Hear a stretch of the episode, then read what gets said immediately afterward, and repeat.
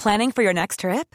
Elevate your travel style with Quince. Quince has all the jet setting essentials you'll want for your next getaway, like European linen, premium luggage options, buttery soft Italian leather bags, and so much more. And is all priced at 50 to 80% less than similar brands. Plus, Quince only works with factories that use safe and ethical manufacturing practices. Pack your bags with high-quality essentials you'll be wearing for vacations to come with Quince. Go to quince.com slash pack for free shipping and 365-day returns. Everyone knows therapy is great for solving problems, but getting therapy has its own problems too, like finding the right therapist, fitting into their schedule, and of course, the cost. Well, BetterHelp can solve those problems. It's totally online and built around your schedule. It's surprisingly affordable too. Connect with a credentialed therapist by phone, video, or online chat, all from the comfort of your home. Visit betterhelp.com to learn more and save 10% on your first month. That's BetterHelp H E L P. Wow. Nice. Yeah. What you're hearing are the sounds of people everywhere putting on Bombas socks, underwear, and t-shirts made from absurdly soft materials that feel like plush clouds. Yeah, that plush. And the best part? For every item you purchase, Bombas donates another to someone facing homelessness. Bombas. Big comfort for everyone. Go to bombas.com slash ACAST and use code ACAST for 20% off your first purchase. That's bombas.com slash ACAST. Code ACAST. Det här är Fint, fult och pengar med mig, Isabella Löwengrip. Och mig, Anna Björklund. Vad pratade Isabella med statsministern om på deras lunch i veckan? Och vad tycker Carrie Bradshaw om Zoomers och vad, vad tycker Zoomers om henne? Och är det dags för mig att byta sida? Gå in i finansvärlden? Välkommen hem Bella. Tack så mycket. Det känns som att ni kom hem liksom fler än ni åkte. Ni åkte liksom Bella och Paul och så kom ni hem Bella, Paul och förlovningen. Ja, Eller hur? alltså så kul. Grattis! Tack så mycket. Ja. Men det var så mycket som hände under den här båtresan. Mm. Självklart förlovningen. Mm. Men sen så följde vi slaviskt ubåten. Ja, Sen Just det. följde vi slaviskt Gröna Lund. just det. Och sen efter det då, eh, när vi vaknade upp på midsommardagen Mm. så var det ju Prigozjin. Ja, vi kommer prata lite om det, eller hur? Mm. Eh, det, det, var intensiv vecka. det var väldigt spännande. det var som en actionfilm. Det, ja. Kanske fortfarande är. Livet är som en actionfilm, Bella. Vi kommer in på Prigozjin senare. Mm, Men du har lunchat med statsministern, ska vi ta det först? Istället för att vara i Almedalen, så, så, um, eh, eller förbereda sig för Almedalen, så, så babblar han med dig istället. Nej men det var så roligt för att jag eh, skickade iväg ett meddelande på Instagram. Mm. Som man gör nu för tiden. Ja. När man ska nå människor. Det, det är verkligen så man gör. Med alla. Ja. Oavsett vem, vilken typ av Vilken människa. nivå, precis, även den här typen av Även next level luncher. Ja. Eh, ja. Men han var inte den som, som svarade där. Eh, Mm. utan hans eh, kollega då kan Mm. misstänka att hon är pressekreterare. Han har någon som eh, postar åt honom kanske också. Ja, Mm. jag misstänker Inte så det. konstigt. Så i alla fall, så hon skickade iväg ett väldigt formellt mejl till mig. Mm. Att eh, statsminister Ulf Kristersson vill gärna äta lunch med dig. Och eh, skulle de här datumen fungera? Mm. Jag tänker direkt liksom protokoll här nu. Ehm, det, det är ju, jag tycker det, det är svårt för att vi är ju i Sverige. Vi jobbar inte med titlar. Det är liksom inte så att man eh, niger på väg fram till statsministern. Men hur ser det ut liksom, vem, vem tar notan till exempel? Svårt ju. Ja, för jag blev lite stressad över om jag äter på skattebetalarnas pengar. Ja. Jag tänkte på det när vi satt Alltså på han har ju restaurangen. såklart ett representationskonto. Liksom. Ja. Så jag, jag tänkte på det på riktigt. Mm. Att jag, så jag tog dagens. Och bubbelvatten. ja. Jag förstår, jag förstår. Nej men för jag kände på riktigt att tänk om det här blir en grej. Ja. Att jag tar in någon så här dyr eh, piggvar. Och så blir det liksom, skulle du också sänka honom då? Det blir löpsedlar om så här uh, influencerluncherna på eh, statsministerns konto. Uh, Men eh, det se dumt ut? det var väldigt roligt. Jag har ju träffat väldigt många statsministrar. Mm. och har nästan, vad säger man, äran att ha den position i vårt samhälle där de ser mig som ett vettigt ställe att synas på. Mm. Ja, för en annan fråga var så här jag tänkte, vad, vad, vad har man på sig? Det också, tänker jag också är så här, mm. men så kommer jag på att just det, Bella är alltid klädd som att hon ska träffa statsminister, så det är inget konstigt. Eller Nej, nej, men, nej men jag känner att allt i min garderob fungerar. Ja, allt. Ja. Jag bara plockar ut något Ja. så blir det superbra. Du kan bara titta på vädret, det behövs inget mer. Men på tal om just med kläder så kände jag en speciell sak med Ulf Kristersson.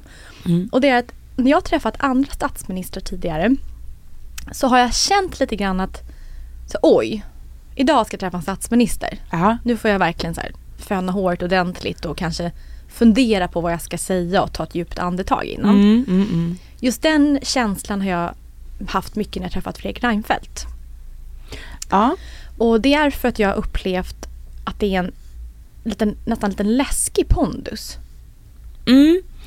Ja, han har ju inte jättenära till leendet Fredrik Reinfeldt. Nej, Men du kanske, du var ju också typ 11 år gammal då, Ja, det kan det ju ha med sant. saken att göra. det är sant. jag var mycket, mycket yngre. Mm. Och Men han, det är inte som att Fredrik Reinfeldt, han kanske inte vill ha ett trevligt samtal. Han Nej. kanske tycker att det är helt ointressant med ett trevligt samtal, Ja. eller hur? ja, Då sitter han och trummar med fingrarna. men för, den enda gången jag haft, jag haft många samtal med Fredrik Reinfeldt, men Mm. det var ett, de senaste gångerna som var väldigt trevligt. Det var när vi var på en gala som heter Hand in Hand. Mm. Och då kom Fredrik Reinfeldt fram till mig. Mm. Och det levde jag på väldigt länge. Men tillbaka till kläder. Ja. För det jag känner med Ulf är att man kan vara lite mer relaxed klädd. Och det Han är, har ju själv, alltså Ulf har ju, eh, han är, har ju väldigt god smak. Han är alltid extremt välklädd. Mm, och, vilket och, folk retar honom för. Men jag tycker faktiskt inte att man ska, alltså att han har liksom för snygga så här, dekonstruerade ofodrade kavajer och sådär. Men jag tycker faktiskt inte att, att man ska reta honom för det. nej, han är, det Nej. men, eh, och jag kommer gärna in på lite grann hur han är. Men, ja. men det jag vill säga med det är att Ulf har inte samma läskiga aura när man träffar honom. Nej. Man känner inte att man behöver så, här, åh, du, du vet, man ska så här, rätta till servetten i knät och Mm. eh, tänka på vilken hand man, eller var någonstans man lägger brödskivan. Nej, han känner, på det sättet känns han ju verkligen yngre. Eh, Ja. Och, alltså, jag och då menar jag det i någon slags positiv bemärkelse. Ja. Att han känns som någon som man kan liksom få någon slags kontakt med. Ja. Men inte som en sån Reinfeldt är en effektiv maskin på Ja. ett annat sätt. Alltså ett maktdjur av en annan tid nästan. Exakt. Ehm, Och jag hade kunnat komma i eh, ett par jeans och sneakers med honom mm, och hade känt mig lika bekväm. mm, med Ulf alltså. Ja, med Ulf. Mm. Och, och det tycker jag ändå säger väldigt mycket om en statsminister, att det finns en, en mänsklig närvaro Mm. där... Och det märkte jag också, och någonting som stärkte det var att han hade med sig en medarbetare på lunchen Mm. Som jag då haft dialog med innan, Mm. som jag nästan känner från MUF sen tidigare. Är det sant? Eller inte känner, men vi var, hon är Ja. lite yngre än vad jag är. Men alltså för jag, också, jag har träffat Ulf en gång i Almedalen. Det var så roligt att träffa någon från, eh, liksom, vad ska man säga, vi hade träffat en sverigedemokrat innan och då kommer liksom en tjej med så här, eh, sleeves, eh, alltså eh, tatueringar och en, en, en så här slapp sommarklänning i typ trikå. Och jag är jaha, ja ja, de som släntrade in samtidigt. Men när jag skulle träffa Ulf då kommer en sån, liksom, en sån muff-tjej med liksom struken skjorta, fönat hår, eh, perfekt så här, no makeup makeup och, och, och, och liksom eh, ber mig gå igenom vad vi ska göra här egentligen för att Ulf har 17 minuter och varken mer eller mindre, alltså så. Ja, ja jag förstår. Eh, Och, eh, och, och så, så, De är roliga de tjejerna som går framför och krattar eh, för de är så bra på det. ja, Ja. exakt. Och, men precis, det var en kvinna jag mötte också. Ja. Eh, hon som jag träffade nu var ändå ganska polerad och väldigt, väldigt vacker. Mm. Men det fanns en värme mellan dem.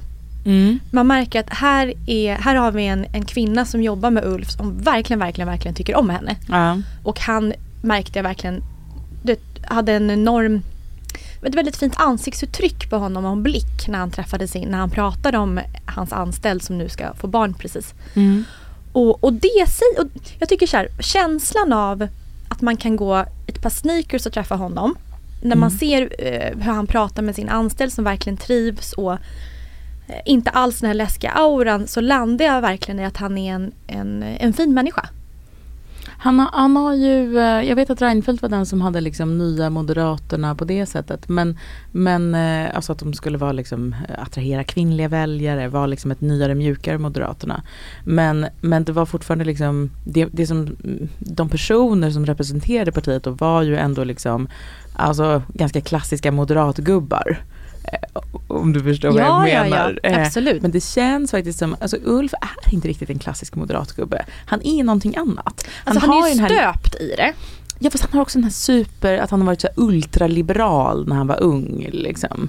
Ehm, det hade i och för sig eh, även Anders Borg och så. Men, men den lite mer, den softare, Ja. lite smartare liksom, sortens eh, högerpolitiker. Ja, Förstår jag håller med. Någon som inte är på hugget på samma sätt. Eller man skulle kunna säga kanske innerstadsmoderaterna mer än liksom, ja, mm. Men någonting jag verkligen uppskattade utan att det här blir ett hyllningstal är att jag uppfattar som att Ulf har väldigt mycket breda intressen. Alltså vi, Mm. vi han pratar allt ifrån hans eh, intresse för konst till exempel. Och, jag tycker att en politiker med många intressen blir också en bredare politiker. Mm. Alltså det finns en nyfikenhet och intresse att lära sig på många olika delar av samhället. Just det. Mm. Alltså, vi pratade väldigt mycket kvinnohälsa till exempel. Och Mm. han var så extremt insatt i det. Ja, han är, eh, precis, han är en moderatgubbe men han är inte blyg för att sitta och prata livmoder. Han nämnde ordet underliv under lunchen. Och det känner jag, jag älskade det. Det är en, det, mm, mm, Nej, men jag kände att det här är en, det här är en sund människa. det gör inte Carl Bildt på en lunch. Nej, och inte Reinfeldt heller. Nej. Och inte min eh, numera fästman utan det finns en, en form av, jag, jag menar, en, en riktig människa där bakom. Mm, mm. Men vet du vad det roligaste är Nej, med honom? Det här är det absolut roligaste som jag skulle hälsa till dig. Mhm. Att han älskade din bok. är det sant? Ja. Han tyckte om det, han gillade det väldigt, Mm. väldigt mycket. Och har läst, eh, vi pratade en hel del om dig. Är det sant? Och um, han har läst många av dina texter Ja. och eh, han tycker att just din men politiska åskådning är spännande. Mm. Och Mm. eh, nej, han var verkligen, han, ja, nej det var jätteroligt att höra hur han verkligen Han kanske relaterade till ätstörningskapitlet. Nej jag skojar bara. Nej jag blir jättesmickrad. Jag blir, jag blir lite generad. Men jag tänker också att... ehm, Det är väl häftigt att ha en statsminister som har läst din bok. Det är det. Ja det är det. Och han, han också säger att han tyckte den var väldigt bra. Ja det är coolt. Och det hänger väl lite ihop där för den, din bok är ju en, jag skulle säga en ögonblicksbild av vår samtid nu men Mm. också en ögonblicksbild för hur det var för 15 år sedan. Ja men precis, vår, vår, vårt första decennium som vuxna. Mm. Ehm, vi som är i vår ålder. Ja, kanske. och, och Mm. återigen där att det finns ett, intresse av att hänga med och se saker och ting Mm. från andras perspektiv som han egentligen inte alls eh, borde, eller har rört sig inom. Nej precis. En sak som vi pratade om som jag tyckte var väldigt viktig Mm. det är vilken hetsk stämning det har blivit i eh, medier just när det gäller vad man röstade på Mm. när det var val. Mm, det. Det var väldigt mycket hat. Mm. De som röstade på Moderaterna och Fick du det? jag fick spaltmetrar. Ja. Dels i tidningen ja. eh, men också såklart på sociala medier Ja. från många olika kända kvinnor. Mm. Hon Edvin, eh, vad heter hon, hon som är med i Snabba Cash. Mm. Sara Larsson. Mhm. Jag vet inte om det var Eva Röse. Jag fick en hel del kritik från ganska många kvinnor som jag ser upp till. Mm. Som att jag tycker de är fantastiska. Alltså för att du röstade på Moderaterna. Moderata samlingspartiet? Okej. Just det. Och Mm. jag, som jag också skrev, att jag har aldrig någonsin varit med om ett sånt hatflöde. Alltså jag har haft många drev mot mig, kan inte Mm. räkna. Men just det hatet som jag fick för att välja att jag röstar på Moderaterna var fruktansvärt. Mm. Jag förlorade alla mina samarbetspartners den hösten. Är det sant? Och eh, jättemycket pengar och eh, flera tusen följare. Är det sant? Mm. Men det var värt det för jag tänkte långa loppet så gynnar det här mig som entreprenör. Jag kommer liksom tjäna tillbaka Gud, pengar. ja, men det är spännande, alltså för när man ser sån statistik på hur, eh, hur få som eh, unga som går med i partier eller vill representera partier eller så här just får så mycket eh, skit på internet så att de slutar eh, en sekund efter de blivit eh, förtroendevalda till någonting och sådär. Eh, det jag har aldrig tyckt att det känns så konstigt med tanke på just stämningen eller vad Mm. man ska säga. Ehm, Och det var det han sa. det är ju ett problem. Ja, och han Ja. sa att när han var yngre då kunde man debattera mot någon en socialdemokrat, vän- vänsterpartist. Och sen Mm. efteråt så skakade man hand och gick ut och tog en öl. Precis, ja, och så funkar det ju fortfarande bland liksom, eh, professionella politiker. Bland äldre. Bland äldre, Mm. ah, okej. Och han sa, Ulf sa då Mm. att i vissa liksom, delar av USA så kan man inte ens gå på en middag med Mm. någon som är republikan om man är demokrat, Ja. demokrat eller eh, tvärtom. Och det är det vi är på väg mot. Vi är på väg mot det. Ja. Att det finns en enorm sån, eh, ja men en hetsk och elak stämning. Och då var det intressant för jag sa ju till honom då att, så här, det klassiska, det måste ju ha med sociala medier att göra. Mm. Mm. Vaniljspaning. men, men sann ofta ju. Mm. Alltså, mm. Men då säger han en vinkel som jag tycker är mer intressant. Och han sa att det stämmer inte alls. Mhm. Han sa att det är tidningarna, alltså så, så kallade gammelmedia, så här Mhm. DN till exempel, Mm. som börjar Mm. skriva. Ehm, nu kan här också, ja det här var vårt samtal så nu kommer också mina åsikter och tankar in. Att till exempel då artiklar i DN eller andra tidningar börjar skriva om någonting Mm. som sen, alltså snöbollseffekten. Och då blir det en sanning för de som läser det. Ja och sen kommer ut på sociala medier. Och då känner de att då kan de ta i för att de har ju liksom tidningen i ryggen så att säga. Ja, och, Ja. Och tidningarna själva säger att hatet kommer från sociala medier och det är ju för att de sätter sig på lite höga hästar. Mm. Så här, men det är inte vi som sprider skit utan det här eh, hatet eh, kommer från sociala medier medan Mm. både Ulf och jag menar att de här tidningarna, de är inte oskyldiga. Nej, precis. Det här är intressant för jag, jag har tänkt ganska mycket på det här för jag skrev ju en, em, en text för några år sedan som eh, började Jag hatar Annie Lööf. Mm, jag kommer ihåg det. Mm. kommer hela Sverige ihåg. och, då, eh, och då fick jag ju eh, ganska mycket liksom, kritik för att jag uttryckte en sån åsikt och dessutom då gjorde det i en tidning för att just ehm, det eh, kan spä på. Och jag menar att det handlar om, om att det inte spär på utan att när man sätter sig själv i skottgluggen eh, på det sättet att man säger så här, jag eh, tänker så här. Jag eh, liksom använder mig själv som exempel eh, på eh, den här känslan, stämningen. Liksom. Istället för att låtsas vara ett, eh, låtsas vara ett neutral, en neutral liksom sanningskälla som många andra, tycker jag, journalister och eh, även opinionsbildare gör. Eh, alltså, eh, jag tror inte att det var många som liksom läste min text och tänkte så här att eh, nu hatar jag Annie Lööf ännu mer. Att det, det var liksom inte, jag tror inte Det är att du som funkar hamnar. så. Precis. eh, men däremot om man skriver, om jag hade skrivit samma text men plockat bort mig själv ur det. Så här, Annie Lööf är ett problem på det här sättet. Annie Lööf är, Ja. si- alltså, men, men egentligen samma bakgrund, samma Eh, samma känsla som drivande kraft så att säga. Men där jag låtsas vara mer neutral själv och inte skriver som en människa utan som eh, en auktoritet mer blir det ju då. då. Det tror jag är mycket farligare och den tonen just så här tycker jag att Dagens Nyheter har jätteofta. Ja. Som ger den, Jag läser den ens den. finaste tidningen. Liksom. Jag läser inte ens den tidningen där för jag tycker alla är de så är, goda. Ja. de tror att de är goda. Precis, men de skulle aldrig publicera något sånt där eh, man liksom mm. Nej, eh, så att jag, jag, eh, jag håller nog med. Du har ett så starkt personligt varumärke. Så att när man läser dina texter så vet man tydligt så här, det här är inte Aftonbladet, det här är inte det här utan det här är du som skriver. Och då blir du mobbaren på skolgården istället. Ja men, och, ja men just för att så här, ja men och vill man gå på mig då kan man gå på mig. Och det och det blir mer man. rättvist. Alltså det blir mer, jag, jag uttalar mig aldrig, liksom, jag vill inte vara liksom, den stora auktoriteten som bestämmer eller liksom, berättar hur det egentligen är. Det är det tonfallet som är Dolt. helt falskt. Precis. Exakt. Ja. Men när en stor tidning kommer och eh, det finns en något namn där längst ner som 90% av Mm. Sveriges befolkning inte vet vem det är. Nej, nej. Mm. Bara lilla kultursverige. Mm. Eller bit. Och då, precis som du säger, då upplevs att det är själva tidningens åsikt. Även fast Mm. det kanske är en... Vilket folk litar på av Ja. då liksom Och det här då skapar hat Ja. eh, av varandra. Så det tyckte jag var en Mm. spännande dialog.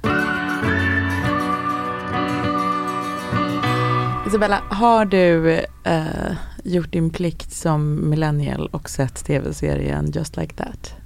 Nej, Och Nej. jag var sen på bollen redan med ettan. Är det sant? Ja. Okej. Så jag satt och grät på ett plan för några veckor sedan när en viss person dog. Okej. Det är okej att spoila nu. Big Mm. dör. Ja. Mm. Så tvåan ser jag fram emot. Mm. Ja men det kommer två avsnitt nu av eh, säsong två och ehm, ehm, jag trodde faktiskt att det, jag trodde nästan det var lag på att folk i vår ålder ska se det här. Det är lite på det sättet man ser det. Inte kanske för att det är så himla bra utan bara för att det är som typ en gammal kompis man måste höra av sig till. Ja, så, Exakt, men jag tycker inte om att vänta att det kommer varje vecka. Eller varje, jag vill ju Nej, se när allting är klart så jag kan eh, sträcktitta. Jag förstår. Men första säsongen då av den här rebooten av Sex and the City, ska säga, om nu någon som lyssnar inte skulle veta det. Eh, då var det ganska mycket hur de här då urtida karaktärerna kändes det som då liksom clashar med vår tid nu. Eller med, med eh, USA nu kanske. Carrie startar en podd och hon är obekväm först och sen blir det bra. Precis. Men också så här, det är ju väldigt många så här, icke-binära karaktärer. Det var nya svarta huvudpersoner. Det är barn som gör upp med sin könsidentitet. Det är liksom, ah, de tog alla ämnena. Eh, chefen kommer in i rummet och skit, sitter självklart i rullstol. Liksom. Så, så var det hela tiden. Eh, som, ja, som att de behövde skrika liksom, i, i varje scen att så här, Vi vet. kolla vi vet. Vi vet, vi har koll. Vi är woke nu, nu det vi har liksom fattat, vi vet vad som krävs av oss. Det är inte bara vita rika kvinnor som dricker drinkar utan det, det är vita rika kvinnor som dricker drinkar men, men vi hör också en svart kompis. Mm. Ehm, men de har då liksom kunnat börja skämta ehm, som de gjorde förr. Och det är väldigt, då är det ju liksom, det är det serien ska göra. Så jag mindes plötsligt hur liksom varför Sex and the City var kul. Och nu har de då eh, börjat vara elaka mot eh, zoomers på ett roligt sätt. Och zoomers är, Alltså Gen Z, du vet. är zoomers och Gen Z samma sak? Ja. Ja, nu lät jag som en millennial. Men till exempel de går in i en affär och så är hon som jobbar i affären heter Iden och är bara, ser ut som en sån tjej från Instagram med guldsmycken och vita kläder och, eh, och så här väldigt perfekt smink och på alla saker de frågar henne så svarar hon bara I don't know. alltså kanske 20 gånger. Det är väldigt roligt. Men det är det är också så här underbar scen när, när eh, Charlottes dotter som är tonåring nu ehm, den som inte är tveksam med sin könsidentitet. Hon ska uppträda för sina föräldrar med en låt hon skrivit. Var det hon som uppträdde förra gången också? Ja, då Mm. är hon lite mer klassisk pianist. Nu ska Mm. hon bli eh, Lily Eilish kallar de henne. Också kul. Ja, så här lät det. Ska jag spela upp det? Mm. Showtime! I am not, not the same, caught inside this gilded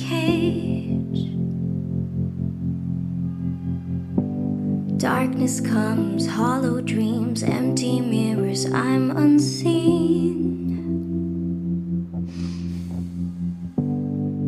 Park Avenue streets, where do they lead? Stuck in the deep, goddamn. The power of privilege. Should have opened that second bottle. No reason or rhyme, lost in the climb, living the light, confined. The power of privilege. Hon är inte nöjd i sitt eh, rikemansliv. Nej, precis. Hon är själv där, I känner sig sin gyllene ensam. bur.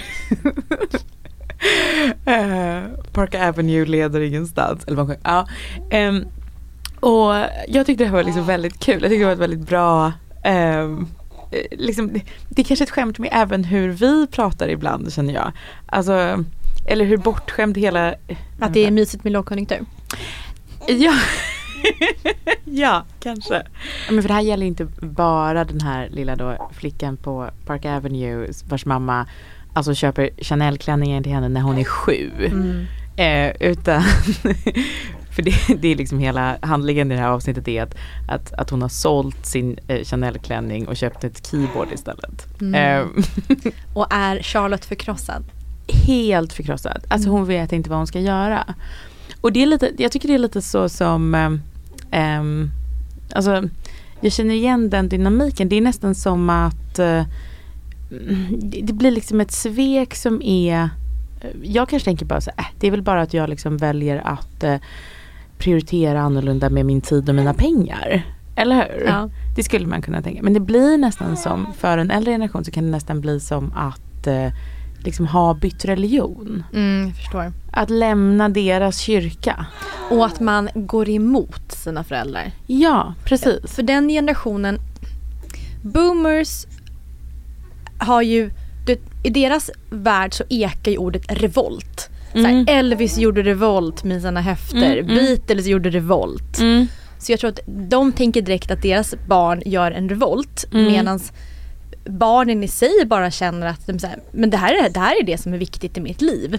Exakt. Det är, en, ja. det är en naturlig väg framåt i livet, inte någonting som har med föräldrarna att göra riktigt. Nej men precis. Eh, Och jag tror inte så att, att eh, vad ska man säga, de typ i generation Greta som, det finns ingen generation Greta som vi har pratat om innan utan men, men kanske är just barn till folk med privilegierade föräldrar som har liksom sett överflöd, smakat på överflöd och sen eh, bara valt någonting annat. Och det behöver inte vara en krigsförklaring Exakt. mot hela deras, nej, eh, utan, utan det är bara Sund utveckling. Ja precis, alltså ja, vi har provat nu. Vi behöver inte liksom Alltså, det, det, det, äh, när man är barn så drömmer man om så här, åh när jag blir vuxen då ska jag liksom äta eh, jättemycket godis varje dag. Och så äter man jättemycket godis en dag och bara så här, "Jaha, nej det var inte så kul liksom.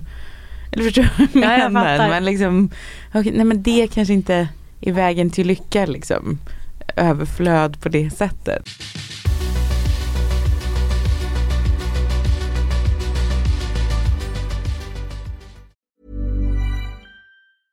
Mother's Day is around the corner. Find the perfect gift for the mom in your life with a stunning piece of jewelry from Blue Nile. From timeless pearls to dazzling gemstones, Blue Nile has something she'll adore. Need it fast? Most items can ship overnight. Plus, enjoy guaranteed free shipping and returns. Don't miss our special Mother's Day deals. Save big on the season's most beautiful trends. For a limited time, get up to 50% off by going to BlueNile.com.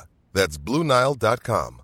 Hiring for your small business? If you're not looking for professionals on LinkedIn, you're looking in the wrong place. That's like looking for your car keys in a fish tank. LinkedIn helps you hire professionals you can't find anywhere else, even those who aren't actively searching for a new job but might be open to the perfect role. In a given month, over 70% of LinkedIn users don't even visit other leading job sites. So start looking in the right place. With LinkedIn, you can hire professionals like a professional. Post your free job on linkedin.com/people slash people today. Everyone knows therapy is great for solving problems, but getting therapy has its own problems too, like finding the right therapist, fitting into their schedule, and of course, the cost. Well, BetterHelp can solve those problems. It's totally online and built around your schedule. It's surprisingly affordable too. Connect with a credentialed therapist by phone, video, or online chat, all from the comfort of your home. Visit betterhelp.com to learn more and save 10% on your first month. That's BetterHelp, H E L P.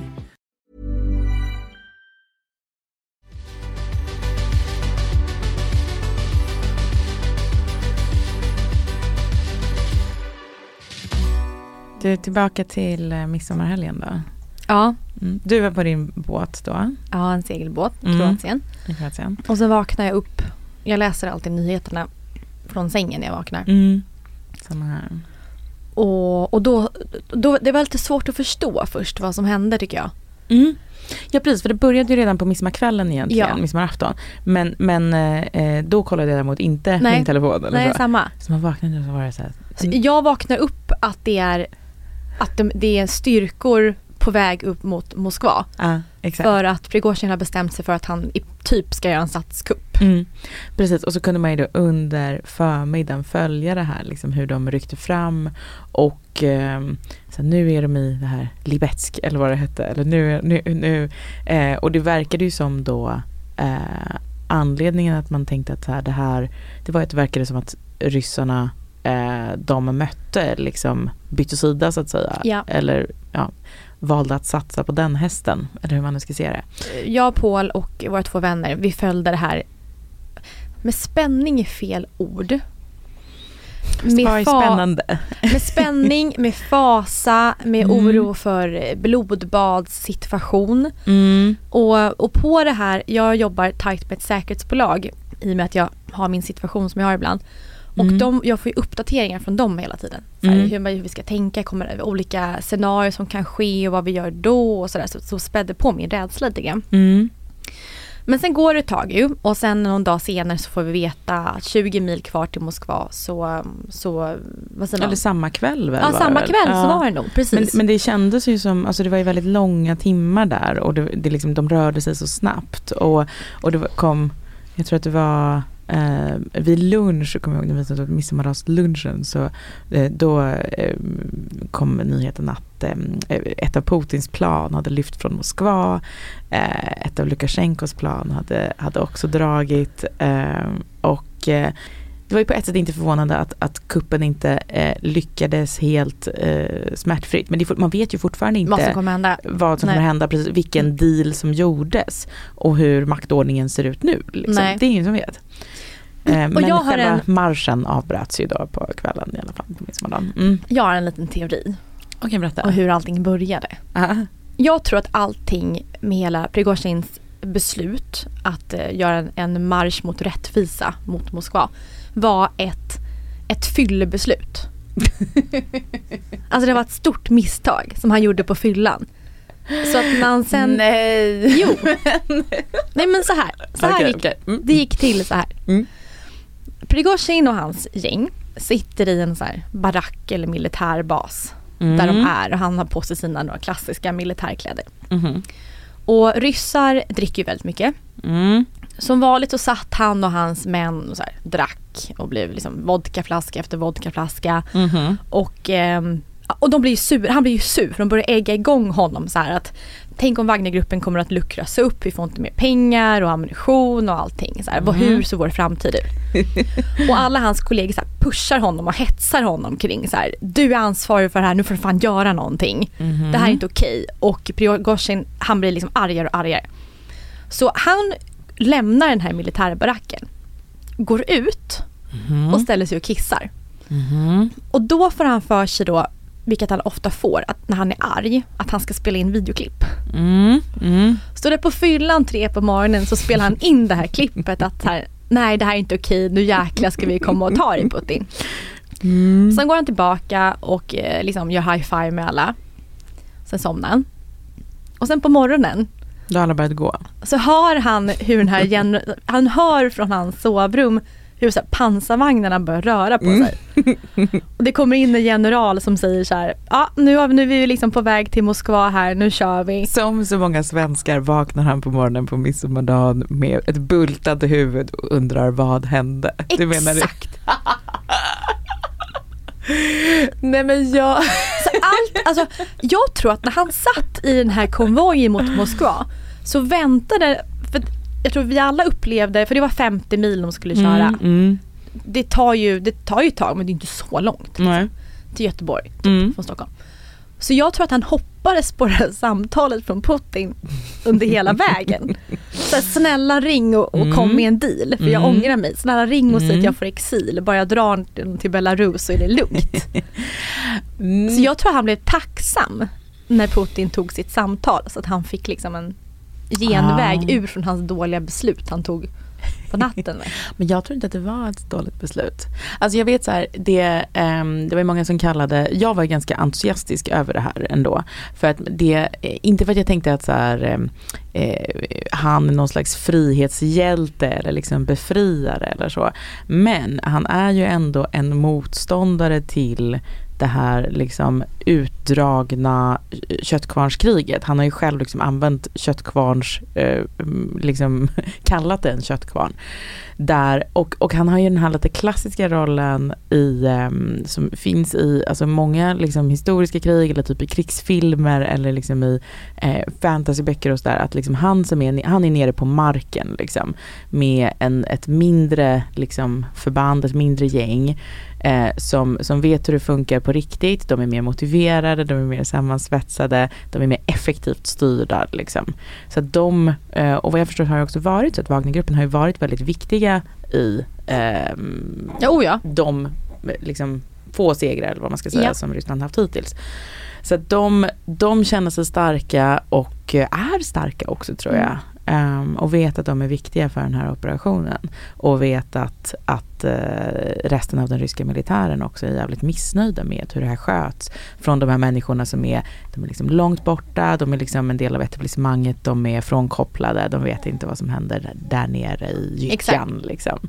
Men det här är en Så klassisk situation. Det är klassiskt, exakt. Att det finns en, när man jobbar med en, en privat armé som Mm. man liksom hyr in. Precis. Att självklart så kommer man någonstans fram till ett missnöje och eh, personen på plats, ledaren, vill göra en statskupp. Mm. Alltså den har vi sett överallt i världen och pågår fortfarande. Mm.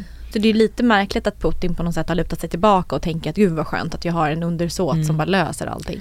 Och det man kan säga då, även om han inte är en frihetshjälte så eh, var jag ju ändå uppiggad då för att han ändå, det fanns ju någon typ av känsla av att det kunde bli en förändring. Ja, och sen det finns- det fanns ju en glädje över att äntligen så, så är det någon som tar ner den stora bossen. Men Ja, så vet man också konsekvensen av det i Moskva hade inte varit så trevligt. Nej, exakt. Men jag tror att Putin är väldigt mån om sitt varumärke. Och nu är ju han då i andra människors ögon, ögon lite skadeskjuten. Mm. Och tänk om det finns någon form av så här töntig manlighet i att han måste ta i ännu hårdare nu. Mm. Bara för att visa att han är back on track, att det är ingen som kan mosa honom. Mm. Men och den är vet- lite obehaglig. Men om man, det, vad som händer där inne liksom i apparaten. Jag tror, min spaning framöver, Mm. att eh, han, Prigozjin kommer att dö. Putin kommer inte låta honom Om leva. han plötsligt får en hjärtinfarkt. Ja, han kommer bli Oops. puttad ner från en balkong någonstans. Ja, ja, ja. Och eh, ja, Mm. sen så, så händer det inget mer. Snipp, Mm. snapp, slut. Jag läser ju mycket om rikingar. Mm. Mm. Eh, kanske lite för att vi gör den här podden. Vi Men- har ju en fascination för pengar Ja, precis. Eh, Exakt. på olika sätt. Ja, ja, precis. Och jag har ju liksom varit intresserad av pengar och makt och så, hur det eh, flyttas runt mellan olika människor eller skapas eller så. Men jag brukar ju ha då, alltså kanske det som man brukar kalla för liksom journalistens blick på det. Alltså att titta på det utifrån, så här, försöka förstå liksom, och kanske tänka så här, hur kan jag eh, berätta det här? Eller liksom, eh, ja, men man ser det just lite som någon slags skådespel. Liksom. Okej, han gjorde det och då. Mm, mm, mm. Mm. Så. Ehm, det är i alla fall någonting som de, de där borta håller på med. Men ibland så velar jag väl. Alltså jag tänker så här, varför, varför liksom sitter jag i publiken? Varför är jag inte en av dem? Och vilka är de? Det är då rikingarna, finansmänniskorna. Mm. Ehm, Du valde kulturvägen istället. världen. Ja, precis. Alltså, ibland tänker jag då, jag är ju ung. Jag kan fortfarande byta bana. Ja. Jag är inte, de är inte smartare än jag, säger jag till mig så här. Varför ska de tjäna inte bara mer utan kanske hundra gånger mer än vad jag gör? Det är ju, varför ska det vara så? Det dyker liksom upp ehm, och sen så, å andra sidan tänker då att så här, ah, jag vet inte, pengar är inte, som vi pratade om, det är inte liksom så viktigt för mig. Så jag kanske har roligare med det jag håller på med. Det är jättetudelat det där för dig. Eller hur? Ja. ja. Mm. Är det inte lite det för dig också? Alltså, jag är ju mer åt sidan att jag vill gärna tjäna pengar och att det är kul med pengar. Mm, mm. Du är ändå mer... Jo men jag tycker också det är kul att tjäna pengar. Men det är liksom, Du uppskattar nog livet 50-50. ja kanske. Och jag uppskattar livet 60% pengar, 40% utan pengar. Ja, okej. Ja. Jag kollade i alla fall på, eh, det finns någonting som heter masterclass. Vet du vad det är? Nej. Det, det är en så här ganska dyr, det är liksom Netflix för typ eh, föreläsningar. Eh, jag har hört talas om den. dyrt. Ja, och så, och Flera så, tusen i... Ja, men det, det var kanske så här, jag vet, kanske 1500 för ett år eller något Mm. sånt där. Mhm. Ja. Ehm, men eh, och det har jag kollat lite nu på när jag har haft lite så halvsemester. De har en serie om eh, pengar nu, eller om finans, en serie med finansmänniskor som föreläser om hur man ska investera och sådär. Och jag måste säga att det är någonting med finansmänniskor. Alltså det är det. Eh, de har en så himla spännande världsbild. Ja. Väldigt positiv. Eh, ja, precis. Men de har, men de har en syn på så här, människor som är, de är kungarna, tänker de. Det är de helt liksom, Mm. eh, det, så är det bara. Och alla andra, eh, alla som inte är de, är ju egentligen idioter. Alltså på det sätt att eh, Eh, alltså för de tänker att finansvärlden är ett test på om man är en idiot eller inte. Vi har ju liksom siffror på vem som lyckas och inte. Mm. Och vi, de rikaste, är såklart vi som liksom vann. Alltså det, det är en på ett ganska självklar världsbild men, men, men det är inte så andra människor tänker. Utan med an, en, folk kan vara ganska nöjda med andra sorters jobb också. Um, men, men det liksom finns inte i deras um, liksom, de har liksom inget koncept om andra, andra saker. Vilket gör att det blir en ganska enkel, ett ganska enkelt sätt att se världen, eller hur? Mm. Ehm, Antingen har man lyckats eller inte lyckats. ja men precis, ja. Och, och vi vet det, för det finns siffror. Ja. Ja. Och de kan ändras. Ja, Men det, man vet. Ja, men då är det också det här. Och det, är det, här, här, det var här jag blev lite sugen, mer intresserad. Eh, kände så här, hmm. Eh, för de har en idé då om att eh, det handlar om eh, personlighet. Mm. Alltså för att vinna så ska man utveckla, eh, utveckla liksom en vinnares personlighet. För att det som är, eh, eh, informationen finns ju där ute. Pratar de ofta om. Liksom så här. Data var tillgängligt, berättar någon som var så här, den enda som förutspådde, inte den här, men liksom den analytikern som förutspådde 2008-kraschen. Mm. Hon bara, the numbers were out there. Så här. Men det var bara jag som satte mig ner och såg dem. För att Mm. hon var den enda som hade då jobbade tillräckligt hårt, hade tillräckligt liksom, eh, hade inte massa personlig prestige eller var inte fångad i något så grupptänkande. Eller hon, liksom, hon kunde se igenom allt. Och då liksom vinna helt Mm, enkelt.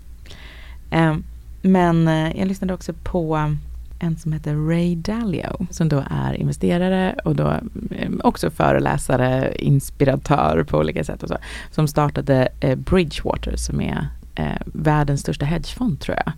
Nu leder han inte det längre men, men han gjorde det i många decennier. Och, ehm, ehm, och han eh, pratar då om liksom personligheten som krävs för att lyckas. Mm. Och det är inte då som man skulle kunna tro liksom att det är någon som bara, eh, ja men du vet, går upp jättetidigt och, och sitter och stirrar på sina siffror väldigt många timmar. Men han pratar om att man behöver vara så fördomsfri.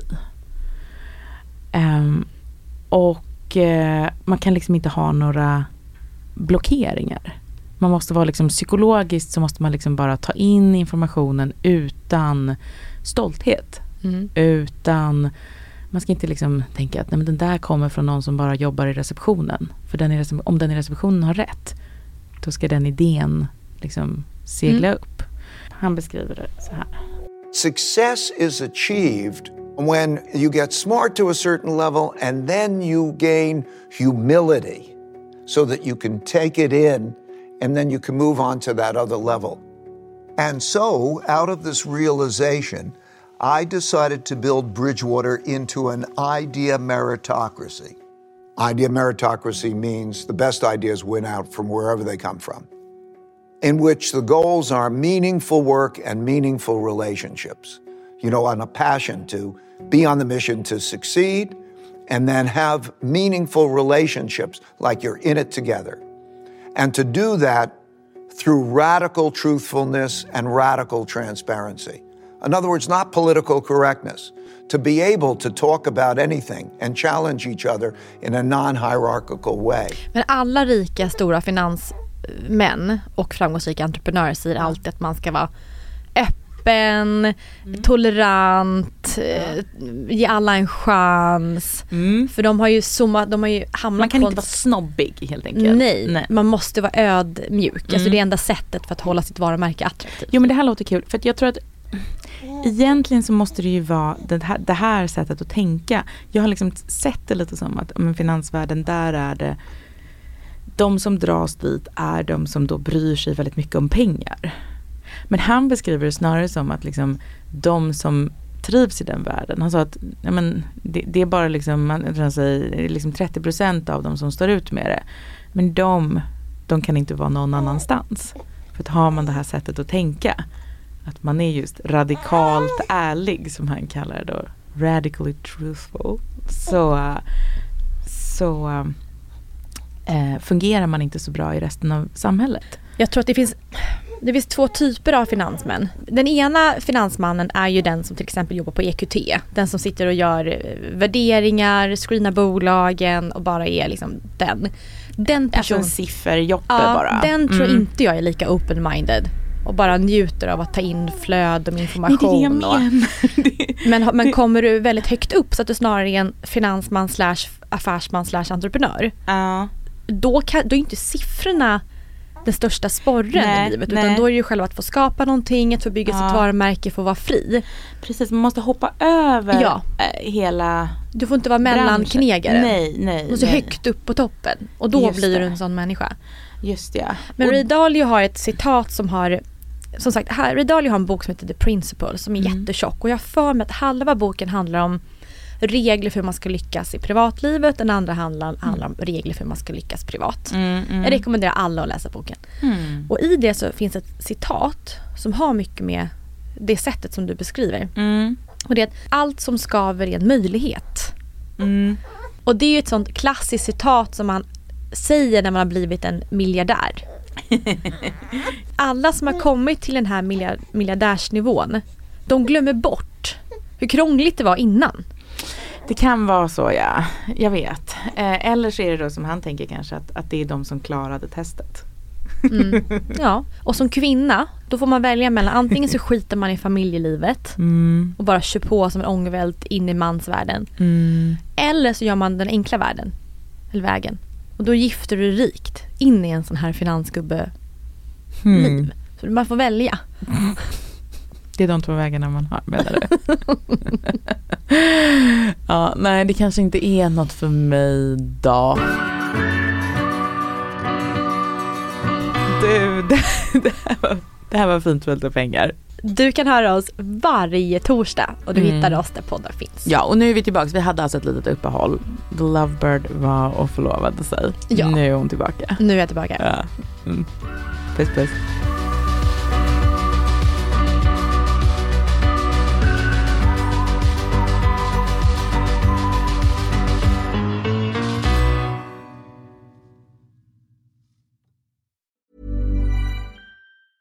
Planning for your next trip? Elevate your travel style with Quince. Quince has all the jet setting essentials you'll want for your next getaway, like European linen, premium luggage options, buttery soft Italian leather bags, and so much more. And is all priced at 50 to 80% less than similar brands. Plus, Quince only works with factories that use safe and ethical manufacturing practices. Pack your bags with high-quality essentials you'll be wearing for vacations to come with Quince. Go to quince.com/pack for free shipping and 365-day returns. Mom deserves the best, and there's no better place to shop for Mother's Day than Whole Foods Market. They're your destination for unbeatable savings, from premium gifts to show-stopping flowers and irresistible desserts. Start by saving 33% with Prime on all body care and candles. Then get a 15-stem bunch of tulips for just $9.99 each with Prime. Round out Mom's menu with festive rosé, irresistible berry chantilly cake, and more special treats. Come celebrate Mother's Day at Whole Foods Market.